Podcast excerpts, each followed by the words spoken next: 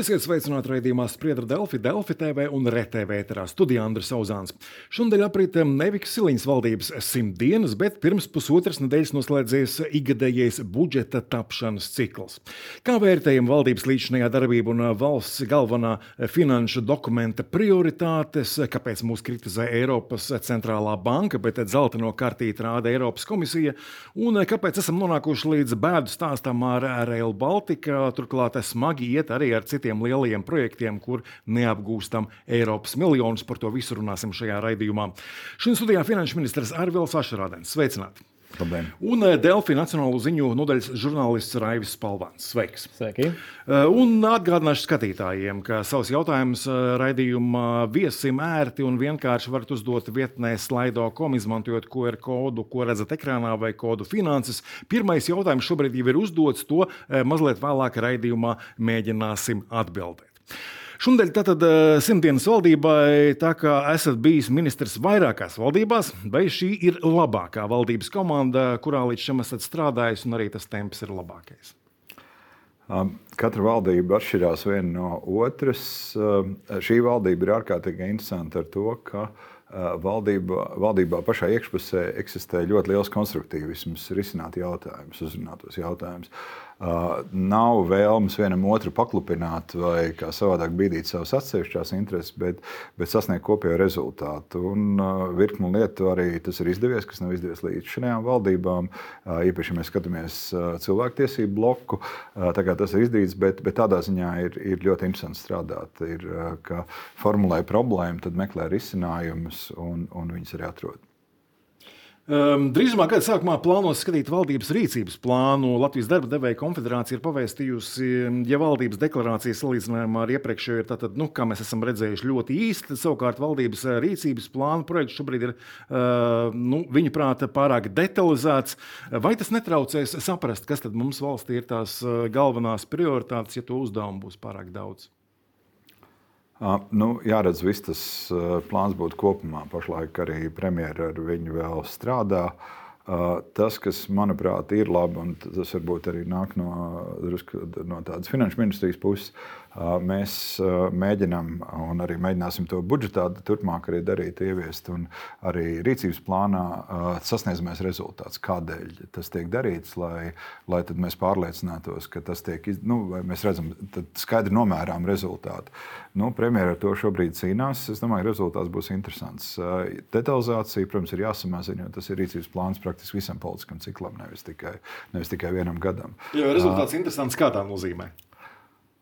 Rezultāts uz to, ka, nu, kā jau pasaka, Nu, piemēram, viss tā domāšana valdībā līdz šim bijusi. Tad uh, ir noteikti liela cīņa par to, lai, nonāk, lai nauda nonāktu budžeta bāzē. Tagad nonāk budžeta bāzē, un tad viss ir kārtībā. Un, ja atcerieties budžeta debati, tad ļoti maz mēs runājam patiesībā par 16 miljardiem, uh, kas ir lielais budžets. Mēs pamatā runājam par prioritātēm, kas ir varbūt 5% no budžeta. Par pārējo masu naudas masu mēs nerunājam. Par to tiek sasniegt rezultāti vai ko mēs taisamies mainīt. Un tas, tas ko es mēģinu pagriezt uh, savādāk, tā, tās politiskās prioritātes ir svarīgas svarīgas. Jā, kam mēs vēl paredzam resursus? Bet vai ar to milzīgo naudu, ko valdība piešķir, mēs sasniedzam rezultātu? Nu, piemēram, veselības aprūpē. Jā.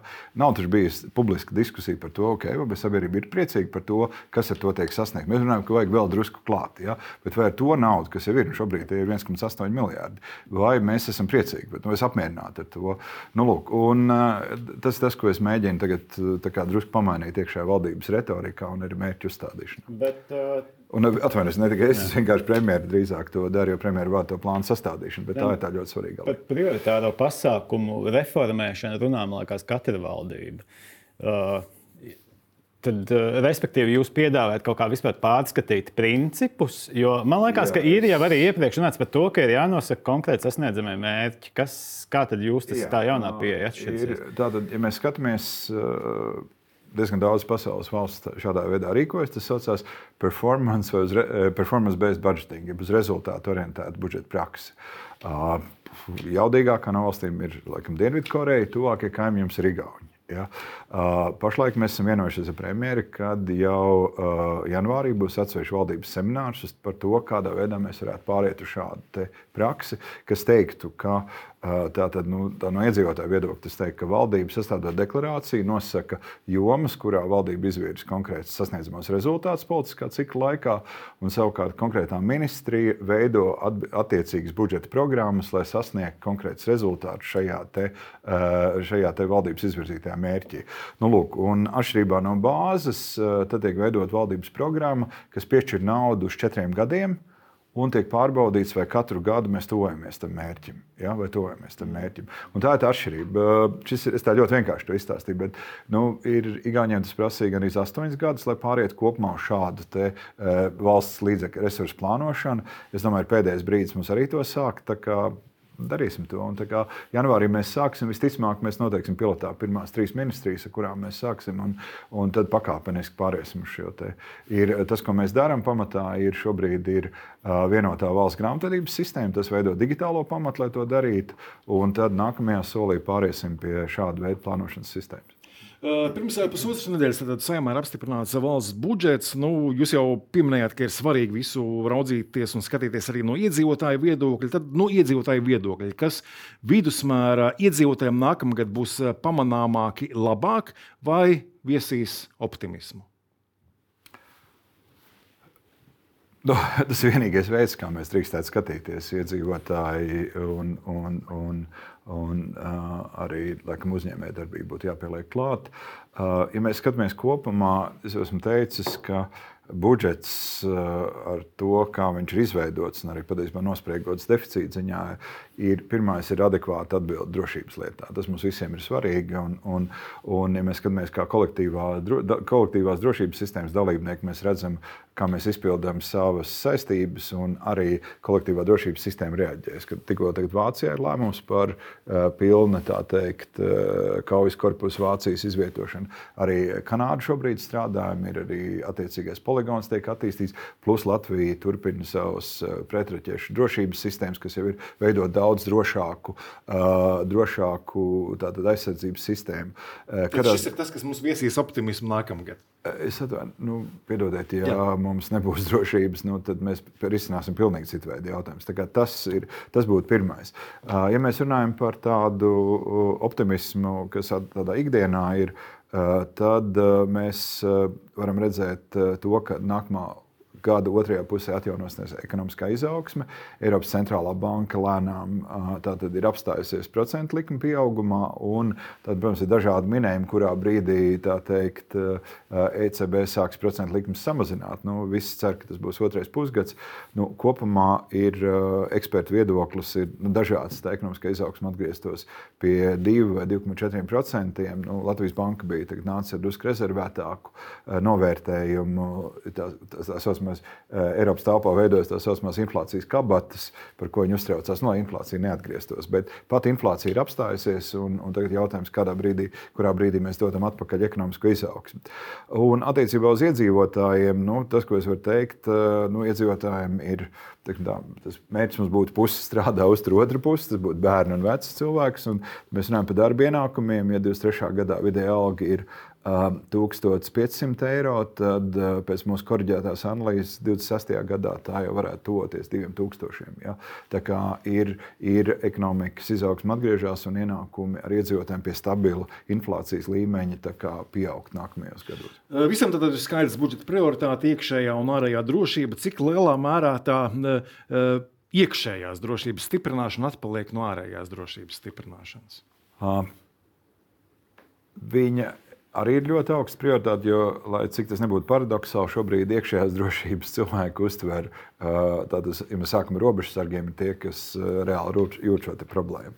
Eh, tas, ko mēs eh, darām, ir tāds pirmais, ir pati infrastruktūras uzbūve. Tātad ir, ir eh, arī šogad nodosim Baltkrievijas posmu. Tātad tas būs pabeigts. Atskaitot man ļoti komplicētas vietas, kā dziļas purvas un dīķus un kaut ko tādu. To mēs pabeidzam nākamgad līdz pavasarim, kur jāpiekļūst tik klāt. Un uzstākam straujā tempā Krievijas posmu, kas ir tagad likums virzās priekš par to, kā pārņem no Igatas būves un arī pārējās gatavojuma laukums praksmu jautājums ir. Un nākamā gada jautājums ir tātad robežas Krievijas un sākt darbu radio un televīzijas centrs digitālās robežas izbūve, kas atvieglot kopumā šo darbu. Tā kā tas pirmais, ir veidojies šie te drošības centri, kas ir izveidoti reģionos, kuras telpas, kuros apvieno gan ugunsdzēsējs, gan policijas, cer arī pašvaldības policija. Tāda, tāda diezgan kompaktas vienības, kas to strādā. Mēs atpaliekam šobrīd ar darba samaksu, darba samaksu iekšlietu struktūrās. Tā ir viena lieta, kas vēl nav atrisināta.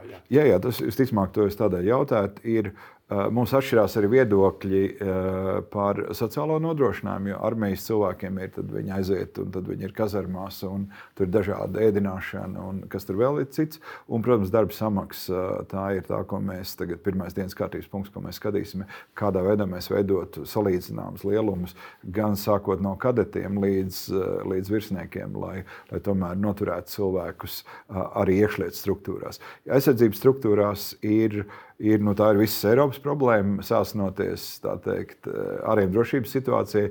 Ir mums jārēķinās to, ka ir, ir teiksim, tā, ļoti vienkārši sakot, karavīriem būs jāmaksā vairāk. Un nu, risināsim to arī iekšējās, iekšējo, iekš, iekšlietu spēkos. Eh, plus mums vēl jārunā arī par tehnoloģiju izmantošanu. Nu, es minēšu eh, arī teiksim, tās iekšējās drošības, eh, teiksim, tā, darba efektivizāciju un tehnoloģiju izmantošanu. Man liekas, tikko LMT demonstrēja kaut kur Liepājā un Rīgā. Viņiem ir, ir tās sistēmas, kur ir viņi vērtēja nu, sarkanās gaismas pār, pārbraukšanu. Viņi teica, ka ar vienu šādu sistēmu viņi ir tikpat konstatējuši pārtikākumus kā visas iekšlietas ceļu drošības sistēma kopā. Ja. Tā kā tehnoloģijas var dot ļoti daudz risinājumu tam, lai atvieglotu arī darba samaksas jautājumus iekšlietas struktūrās. Nu, jā, darba samaksas iekšlietu sistēmā, man liekas, ir tāds karstākais temats. Un arī pēdējās dienās valsts prezidents savā retorikā ir tieši uzsvērs šo, ka šis, šis jautājums ir jārisina iepriekš tiekoties ar Arotbiedrības Savienības pārstāvjiem, viņš teica, ka tas ir jārisina 24. gadā, kad, kas, ko es nolasīju, ka iespējams jau 24. gadā vajadzētu rast eh, risinājumu, bet šodien pēc tikšanās ar premjerministru viņš teica, ka tai vajadzētu būt 25. gada budžeta prioritātei. Respektīvi, vai pastāv iespēja, ka šo jautājumu varētu atrisināt 24. gadā, respektīvi, vai uh, glābēji, ugunsdzēsēji varētu cerēt uz kaut kādu atlīdzības pieaugumu 27. gadā, vai tas tomēr būs 25. gada prioritāte? Uh, nu, es tīvi, ja mēs skatāmies. Uh, kad būtu jēdzīgi to izdarīt, jā, mums skaidrs jāaiziet šīm divām sistēmām cauri, jāsaprot, kur ir tās atšķirības, un tad no nākamā gada budžetā to iestrādāt. Un es arī esmu piedāvājis 25. gadā, jā, mēs jau dzīvojam 24. gadā. Tas ir iestrādājumi, bet tajā pašā laikā mēs konstatēsim kādas būtiskas neatbilstības. Tas skaidrs, ka nav nekas akmeni iekalts, un jāatcerieties, šogad mēs meklējam atsevišķu papildus resursu veselības aprūpēji, un, un tas, protams, nebija viegli, bet, bet tā tāda tika atrasta. Un, un, iespējams, tas ir man atbildi, ir, bet, bet loģiski tas būtu no 25. gada budžeta. Uh, par budžetu savu vērtējumu mūsu raidījuma speciāla izlaidumā no Strasbūras deva Eiroparlamentārietis Ivars Ieps un uh, paskatīsimies uh, mazu fragment. Bet raugoties uz priekšu, nu, es zinu, ka tikko amatā šogad ievēlētais valsts prezidents ir uzstādījis to latiņu uz 2030. gada Eiropas Savienības vidējais IKP. Nu, e, tajā budžetā ir diezgan šobrīd pagrūti saskatīt kaut kādus soļus, kas šitajā virzienā ļoti strauji virzītos. Uh, jā, par šo arī jautājums, um, vai ar šo budžetu virzāmies vai nevirzāmies uz šādu mērķi. Šī ir ārkārtīgi interesanta uh, diskusija.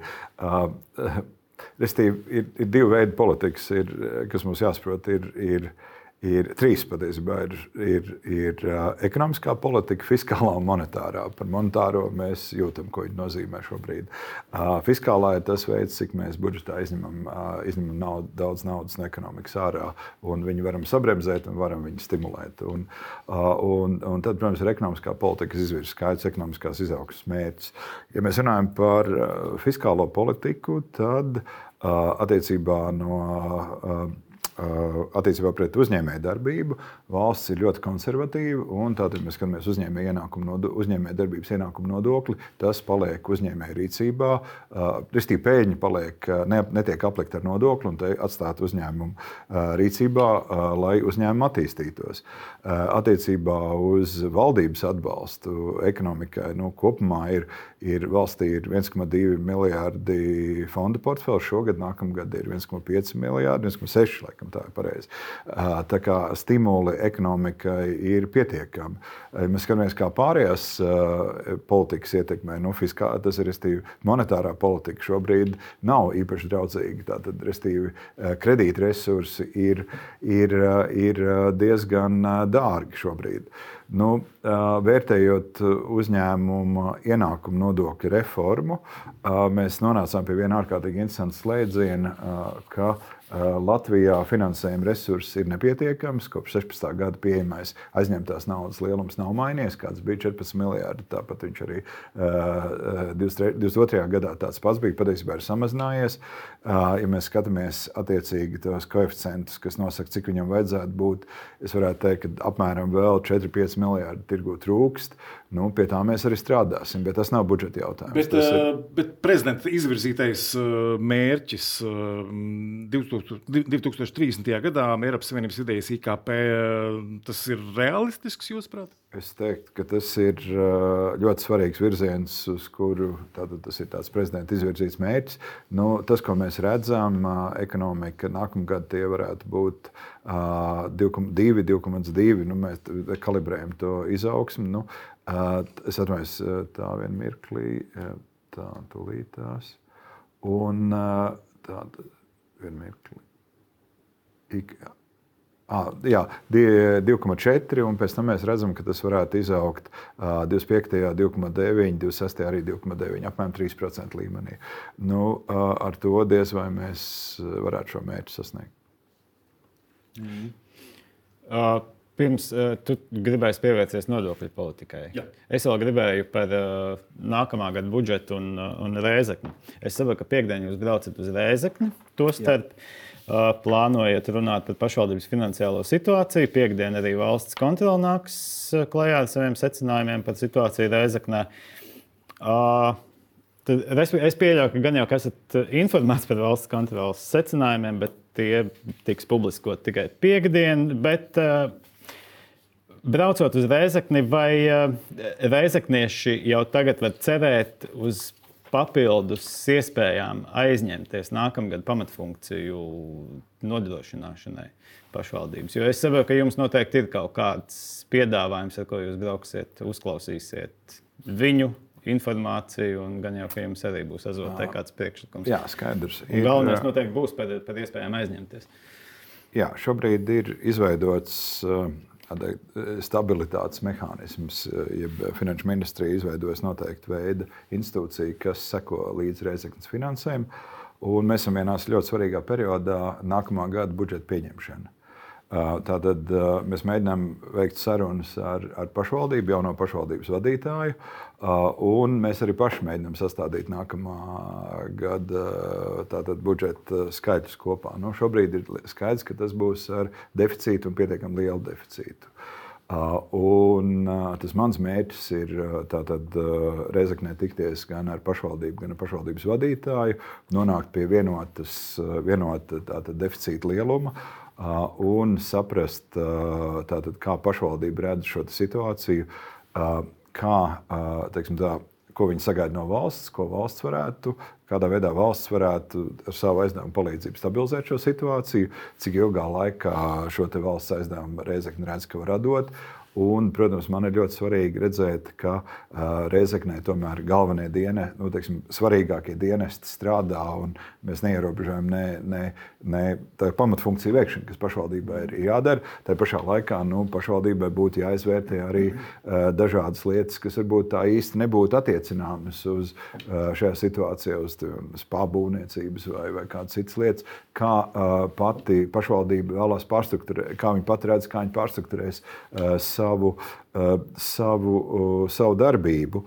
Un, un izrietot, izriet no tā, tā tad man būs jā, jāgriežas kabinetā. Un, un, un es teiksim, tā, finanšu ministrija var aizdot naudu tikai ar kabineta piekrišanu. Mm. Tad šie noteikumi, mēs veidosim to noteikumu kopumu, kādu tad arī pašvaldībai šī nauda tiks aizdot. Vai ir viens ir summa, cik apmēram viņiem varētu vajadzēt?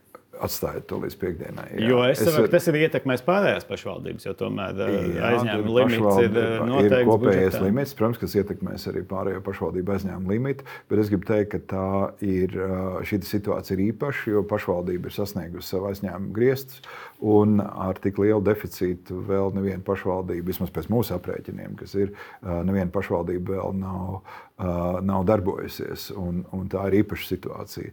Ja tā būtu valsts, tad te būtu starptautiskais valūtas fonds, dažādi stabilizācijas mehānismi un tā tālāk. Šeit tā ir arī ļoti īpaša situācija. Mums ir jārunā ar pašvaldību, kādā veidā viņi to pati redz, kādā veidā ir valsts iesaiste.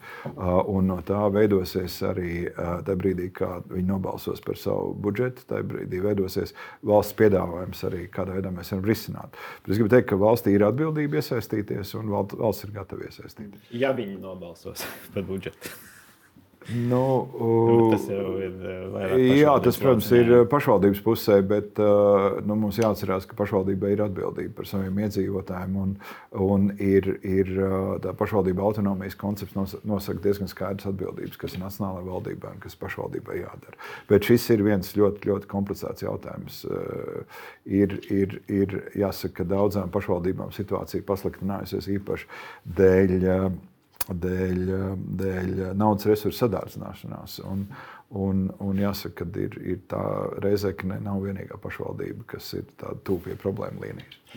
Te vēlreiz atgādināšu skatītājiem, ka savus jautājumus raidījuma viesim varat uzdot vietnē slaido.com, izmantojot QR kodu, ko redzat ekrānā, vai kodu finanses. Tad, tad centīsimies atbildēt un pāriet no tādiem teiksim, augstākiem plauktiem pie ikdienas. Šeit skatītāja jautājums.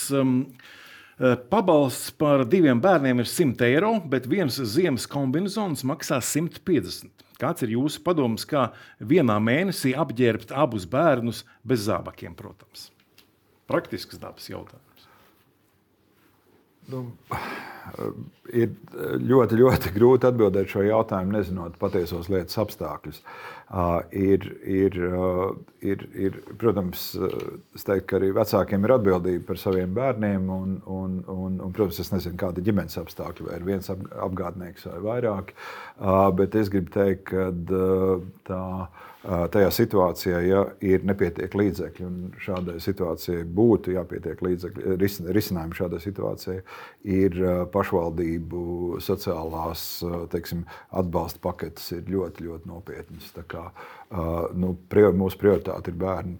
Tur, tas, tur es, Ar pabalstiem vajadzētu pietikt. Tātad. Ne, es, vēlreiz, es, es nevaru sniegt nekādu komentāru, jo es nezinu, kāda ir patiesie ģimenes ienākumi. Ja?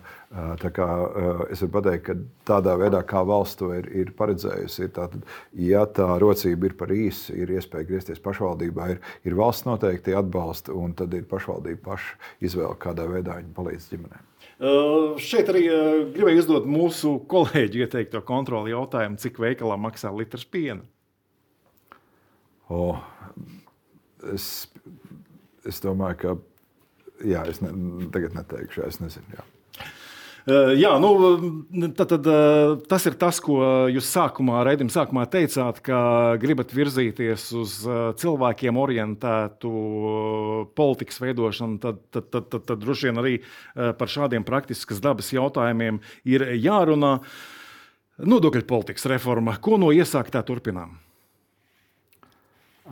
Mēs Tātad tas, ko nodokļu grupa ir izdarījusi iepriekšējā gada periodā, ir izvērtējusi uh, uh, visus valstī 14 tātad, esošos nodokļus. Mēs konstatējam, ka ļoti, ļoti daudz darāmā darba ir attiecībā uz nodokļu lietām.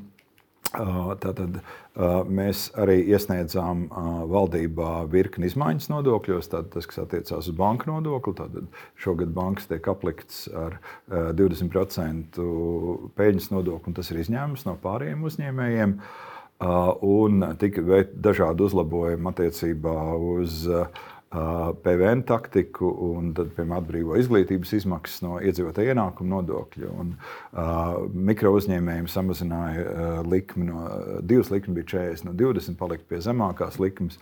Uh, tā daudz tādu relatīvi nelielu uzlabojumu, bet, uh, piemēram, apdrošināšanas izmaksām palielināja summu, to, ko uzņēmējs var apdrošināt. Ir daudz tādu krikumu, bet, bet tie ir ļoti svarīgi cilvēku ikdienā. Uh, attiecībā uz nodokļu politiku, tas, ko mēs esam izdarījuši šobrīd, tad mēs esam izvērtējuši uzņēmumu ienākumu nodokļu politiku, konstatējam, ka tā ir bijusi ļoti svarīga tajā situācijā, kad banku finansējums ir ir būtiski, tā, viņa pieejamība ir, ir, ir ļoti maza, tad pēļņa, kas ir palikusi uzņēmuma rīcībā, ir bijis būtisks instruments, lai attīstītos uzņēmēju darbību. Mēs redzam, ka uzņēmuma vērtība ir būtiski pieaugusi. Uh, un tas, kur mēs šobrīd esam diskusijās, tātad, uh, tas ir darbspēka nodokļi. Tātad, uh, ministrija ir veikusi gan par uzņēmumu nodokli padziļinātu pētījumu, gan šobrīd arī par darbspēka nodokļiem. Un šobrīd mēs arī diskutējam darbspēka nodokļu starpības starp pārējām Baltijas valstīm. Un, un šeit, protams, ir ļoti atšķirīgi viedokļi. Uh, Eksportētāji saka, varbūt tas nav lielais jautājums, drīzāk mums palīdzēt augt eksporta tirgos. Savukārt industriālisti saka, ka tomēr ir ļoti grūti, ja ir izdzīvot, ja ir tik lielas atšķirības nodokļos, darbspēka nodokļos un aicina nodokļus samazināt. Tā kā tās diskusijas ir šobrīd aktīvi notiek, bet mums visiem jāsaprot, ka tās izmaksas ir ļoti lielas. Ir, nu, es jau teicu, tas ir starp 400 un 500 vai 600 miljoniem eiro, kāds, un tas ļoti skaidri ietekmēs budžetu. Kad varētu būt nu, zināms kaut kāds nodokļu izmaiņu melnraksts? Tas noteikti attieksies uz 25. gadu. Tas, izmaiņas, ja? Jā, uz 25. gadu mūsu mandāts ir līdz 1. jūlijam, bet attiecībā uz darba spēku nodokļiem mēs nāksim ātrāk, jo pēc tam mēs plānojam skatīties arī citus nodokļus, piemēram, nekustamā īpašuma nodokļus, arī pieņemsim lēmumu, ko darīt ar to. Uz ekrāna varam paskatīties, ka Eiropas centrālā banka ir kritizējusi saimnes pieņemtos likuma grozījumus par atbalstu kredītņēmējiem kā mums būtu jārēģē?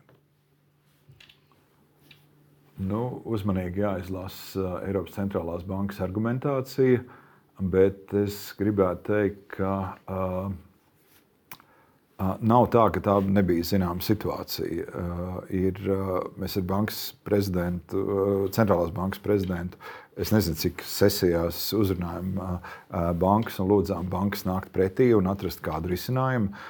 Bankas nereaģēja, teica, ka šitas, šito mēs nedarīsim. Es gribu teikt, ka tā savā veidā tā bija dabiska saimnes reakcija. Atcerieties, par šo likuma projektu nobalsoja visi saimnes deputāti. Visi. Skaidrs, ka pēc tam saimne ir korģējusi un precizējusi šo likuma projektu, bet tā ir saudabīga, tāda saudabīga politiskās vidas reakcija uz banku politiku. Ja? Tā kā nu, vai tur būs kādas izmaiņas nākotnē, vai tas uzlabos kopējo situāciju, nezinu. Ir argumenti arī tajā pusē, kas aizstāv bankas, bet ir arī argumenti tajā pusē ļoti nopietni, ka bankām ir jāpiedalās Nacionālās tautsēmniecības attīstībā un arī jāatbalsta iedzīvotāji. Nākamo jautājumu uzdot par bankām un ekonomiku. Uz ekrāna varam paskatīties šo tabulu, ko vakar atījāt Saimnes budžeta komisijā. Proti, no tabulas ir secināms, ka Latvijā bankas kūtrāk kreditē uzņēmumus, rezultātā uzņēmumi nesaņem uh, ievērojamu finansējumu, ko tomēr varēja saņemt. Tātad citēji ministrijas ziņojumu, ja pieņemtu, ka Latvijas uzņēmumi pret savu pašu kapitālu uzņemtos saistības tādā pašā apmērā kā vidēji Eiropas Savienībā, tad šobrīd Latvijas uzņēmumiem būtu izsniegts par 5 miljardiem eiro lielāks finansējums nekā šobrīd. Eh, vai tie 5 miljardi ir izšķiroši tajā, kāpēc atpaliekam no kaimiņu valstīm? Nu, Jā, tur tā īsti labi redzēja. Eh, jā, eh, šobrīd runājam galvenokārt par šiem pieciem miljardiem. No nu jā. Bet tie 5 miljardi ir jā, izšķiroši mūsu Tātad, ja mēs apskatāmies, protams, tad ja mēs skatāmies visu, visu uh, uzņēmumu, uh, visu Latvijas uzņēmumu bilanču vērtību. Uh, 22. gadā ir 31 miljards, un uh, tātad uzņemtās saistības, ja aizņemtā nauda ir 13,6 miljardi. Un tas veido noteiktu attiecību, kas ir 0,43, kā koeficients tiek rēķināts. Un, ja mēs rēķinām Eiropas Savienību vidēji, tā ir 59. Ja mēs piemēram šo koeficientu, tad Latvijas tirgū trūkst apmēram 5 miljardi eiro. Tā ir viena ļoti būtiska sadaļa. Kapitāla nepietiekamība arī nozīmē, protams, uzņēmuma attīstās lēnāk. Nu, darba kapitāls nozīmē to, vai daudz vai tas tikai dārzā. Jūs neiestādat ābeles, nu, grūti gaidīt ābolus. Nu, tām ābelēm ir jāaug. Un mēs redzam, ka tā, piemēram, Lietuvā, kur šī proporcija ir labāka, Lietuvas uzņēmējiem ir pieejama nevis 13,6 miljardi, bet aizņemti ir 29,7 miljardi. Tā ir daudz. Tas ir darba kapitāls, ar kuru Lietuvas uzņēmēji strādā. Un mēs skatāmies tā situāciju teiksim, vēl 16. gadā bija salīdzināma. Tie bija 14 miljardi, 15 Igaunijā aizdoti un Lietuva 18. Šobrīd uh, Igauni... ir versijas, kāpēc tā? Mēs to vērtējam šobrīd. Mēs esam konstatējuši, ka, tie, tie, ka tā ir tā situācija. Mēs jau runāsim ar bankām. Mums nav bijis tieši saruna par to, kādēļ tā ir. Mana versija ir, jā. mana versija ir tā, ka pie noteiktiem apstākļiem banka īpašnieki ir pieņēmuši lēmumu, ka vairāk kā par šādu naudu mēs neaizdosim. To, ko atdod atpakaļ, to bankas arī ko, teiksim, ko atmaksā kredītņēmēji, to viņi arī ļoti labiem kredītņēmējiem aizdod. No to mēs redzam ārpus Rīgas. To arī prezidents ir teicis savā vizītēs. Es varu pateikt, ārpus ārpus Rīgas ļoti grūti saņemt aizņēmumu nu, saņem tiešām tādi, kuriem ir ļoti droša tā lieta. Ja? Tā kā bankas ļoti konservatīvi finansē Latvijā biznesa attīstību. Mēģināsim dažus jautājumus no iespējami ātri izrunāt, jo tie tomēr ir gan svarīgi. Vakar valdības uzmanības centrā bēdu stāsts ar Rail Baltica. Sākotnēji bija plānots, ka jau 26. gadā varēsim ar vilcienu aizbraukt uz Berlīnu. Tagad pat 2030. gada termiņā izskatās, ka pilnībā neiekļausimies. Spriežot pēc pēdējo dienu izteikumiem, vai pieļaujat, ka, kād, pieļaujat, ka kādā kādā posmā mēs varam secināt, ka tas projekts mums ir par dārgu, tāpēc to pārtraucam un nerealizējam. Ātrāk atbildēt. To mēs pieļaut nevaram. Ir, ir divi aspekti. Tāda mūsu starptautiskās saistības un vispārējā ekonomisko lietu loģika saka, mums jābūt daļai no uh, uh, Eiropas transporta tīkla. Un, savukārt, ja mēs runājam par drošības jautājumu, militārā mobilitāte ir uh, daudz ātrāk izmantojot dzelzceļu nekā parastos ceļus. Tā, tā loģika ir viennozīmīga. Tagad tas jautājums nu, cilvēkiem ir jāpamostās, jākļūt realistiskiem. Un, uh, man ļoti simpātiski mūsu kolēģi Igauni pozīcija, kur to ir atrisināšu par minimāliem līdzekļiem, pateikšu, ka viņiem maksās 3,3 miljardus, un tas funkcionēs. Tas arī ir viss. Un arī um, nu, uh, vēl šovasar, tad, kad uh, Vitsenberga kungs pieteica problēmas ar izmaksām, veicām auditu, nu, piemēram, nevarējām atrast projektu vadītāju. Ja, jo tur visi katrs par kaut ko atbild uh, par savu mazo daļiņu, bet visi kopā neatradām. Nu, vakar ir vienošanās par to, ka valdībā kad būs šāds projektu vadītājs, tad ministrija nāks ar šo, un otrs ir, uh, ir satiksmes ministrija ministrijai ir skaidrs uzdevums nākt ar izmaksu izvērtējumu. Un, nu, tas arī viss. Un šādos projektos tas nav nekas neparasts. Vienkārši ir jāpamostās un jānovada tas projekts līdz galam. Respektīvi, ir iespējams pārskatīt vispār to sākotnējā projekta apjomu respektīvi gan visas tās plānotos infrastruktūras objektus. Nu, ir, tas nav tā, ka tikai mēs to ņēmām. Tātad Eiropas komisija, pārējās Baltijas valsts nu, šobrīd tā kopējā pozīcija ir nu, pamostaties. Ja nē, tad mēs, tas, ko ministrs teica, tad mēs pa taisnāko līniju, tad tas vilciens aizies uz Lietuva un tur ir Igaunija. Un tas bija tas izvēlēties, kuras stacijas ir jums labāk patīk, Skulta vai Salaspils, un, un tad viņš Rīgā neiebrauks. Ja vēlreiz tie cilvēki. Nu, es, es, nu, man grūti pateikt, kāds ir bijis, bet, nu, piemēram, nezinu, skaista, milzīga astoņu peronu stacija būvēta Rīgas centrālajā stacijā, kurā jau ir 90 miljoni pārtērēti. Eh, es pat nezinu īsti kādas naudas. Eh, tad nu, varbūt tiešām viss tie, ja tā beidzot ir sagrupējies un sāk strādāt, to var izdarīt. Eh, tā nav problēma. Gribēs, ir jautājums ir tiešām realistiski novērtēt, arī par aktualitātēm, aktualitātēm, aktualitātēm jaunajā vienotībā parunāt par gatavošanos Eiropas parlamentu vēlēšanām un Krišānu Kariņu Kariņu kā iespējamo pirmo numuru vēlēšanu sarakstā Eiropas parlamentārietis Nils Ušakovs prognozējis, un to varam šobrīd arī paskatīties uz ekrāna. Ja Kariņa kungs būs pirmais numurs jaunās vienotības sarakstā, tad eh, vairāk mandātu tiks konkurentiem Nacionālajai apvienībai. Eh, šāds scenārijs tiek par tie apsvērts. Mm. Šobrīd ir tātad mēs esam noteikuši kārtību, kādā piesakās uh, piesakās līdz janvārim, laikam līdz 9. vai 10. janvārim, piesakās kandidāti.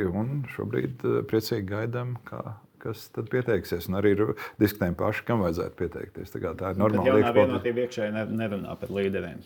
Jo tomēr laiks ir palicis ļoti. Es saprotu, jā, tā kā mēs sapratīsim, kādā veidā tas saraksts saliekās. Mums ir ļoti daudz komplicētu jautājumu, lai sastādītu sarakstu, bet tas būs februāra jautājums ātrākais, kad es varēšu atbildēt šo. Jo, piemēram, ja nemaldos, pagājušā nedēļa jaunā vienotība izsūtīja šo atbalsta vēstuli atbalsta publikāciju Kariņam, novērtējot viņa sniegumu premjeramatā un, un sevišķi ārpolitikā. Nu, ko savā ziņā, nu, jā, tur ir tie divi stāsti. Tā ir kā atbilde nu, apvienotās kritikai par eh, Kariņa šiem čatriem reisiem, un otrs arī var nolasīt kā atbalstu Kariņam kā pirmajam numuram Eiropas parlamenta vēlēšanās vienotības sarakstā. Kas tas īsti bija? Nē, es, tas, kas ir ļoti svarīgi, ir, ir uh, valstīm premjerministri. Premjerministri ir cilvēks, kas atrodas unikālā pozīcijā. Tas ir vienīgais, kuram ir mandāts runāt ar citu valstu vadītājiem. Uh, es varu runāt ar finanšu ministriem, bet man nav iespēja tikties ar, ar, ar citu valstu. Ir, protams, bet uh, tas notiek ļoti reti, kad runā ar kādu ministru. Uh, un uh, tā. It sevišķi šodien ārējā teiksim, starptautiskā situācija ir tāda, kurā notiek ļoti strauji notiek globāla polarizācija, veidojas nometnes un dažādas alianses un tā tālāk. Tas ir viens un tā ir, ir tepat blakus ir karš, un mēs robežojamies agresoru valsti. Tas ir absolūti izšķirīgi, ka premjerministrs var iestāties īstajā vietā, īstajā laikā runāt par kontingentiem, par drošību, par raķetēm. Par, tā, tā ir viena lieta. Otrs ir, mums ir ekonomiskās intereses. Šobrīd ir, ir Eiropas daudzgadu budžeta nākamais posms. Mums ir Šobrīd Eiropas, Eiropa ir diezgan aizņemta ar jautājumiem, kā palīdzēt Ukraiņai, kā veidot paplašināšanās politiku, kas arī ir drošības politikas jautājums, kāda būs kohēzijas politika Latvijā. Ir absolūti izšķirīga, un tur situācija attīstās pirmsvēlēšana periodā, īpaši attīstās pa stundām bieži vien, kādā veidā tiek dotas iestrādes nākamai, nākamam tākam, politiskam ciklam. Un trešais ir, ir kopējā globālā politika, kā jau teicu, ir, ir šīs te, uh, šīs te, notiek šī polarizācija un kādā veidā valstis ieņem nostāju vienā vai otrā jautājumā, ir ārkārtīgi izšķirīgi nākotnē. Vai tie būs investori, vai pie mums būs investori, vai nebūs, vai skatīsimies uz kādu dīvainu valsti. Un es gribu teikt, ka mums ir ļoti svarīgi, ka mums ir premjerministrs, kas ļoti labi orientējušies jautājumos, runā vairākās valodās, spēj sarunāties kā līdzīgi, līdzīgi ar daudz valstu vadītājiem. Tā kā šim instrumentam viņam ir jābūt. Tā bija tā, Jā, par, tā, bija tā, atbild, tā, bija tā atbild, jēga, un mēs šeit, tā mūsu atbilde bija nevis par ko darīt tālāk, bet novērtējam to, ka premjerministrs premjerministrs ir vienkārši rīkojies un aktīvi strādājis. Jā, bet pavisam īsi. Pavisam, pavisam īsi jā. Vai pirms šī paziņojuma izsūtīšanas jaunā vienotība arī iekšēji pārsprieda šos nu, kariņu čārteru lidojumus un nonāca pie kaut kāda savas slēdziena? Tas ir labi vai tas ir slikti? Vai šāda praksa ir ok vai, vai tomēr ne? Trijos vārdos. Nu, ja mēs esam ja nākuši ārā vienotības līderi, gan frakcija, gan, eh, gan eh, domas priekšsēdētājs, gan partijas priekšsēdētājs, nu, kā tad bez diskusijām šis varētu būt noticis? Tas ir ok. Jā, tomēr daudz eh, jautājumu šodien nepaspējām izrunāt. Nākamais spriedra Delfija raidījums rīt. Saku paldies raidījuma mm, viesim finanšu ministrām. Paldies arī Raivim. Uztikšanos!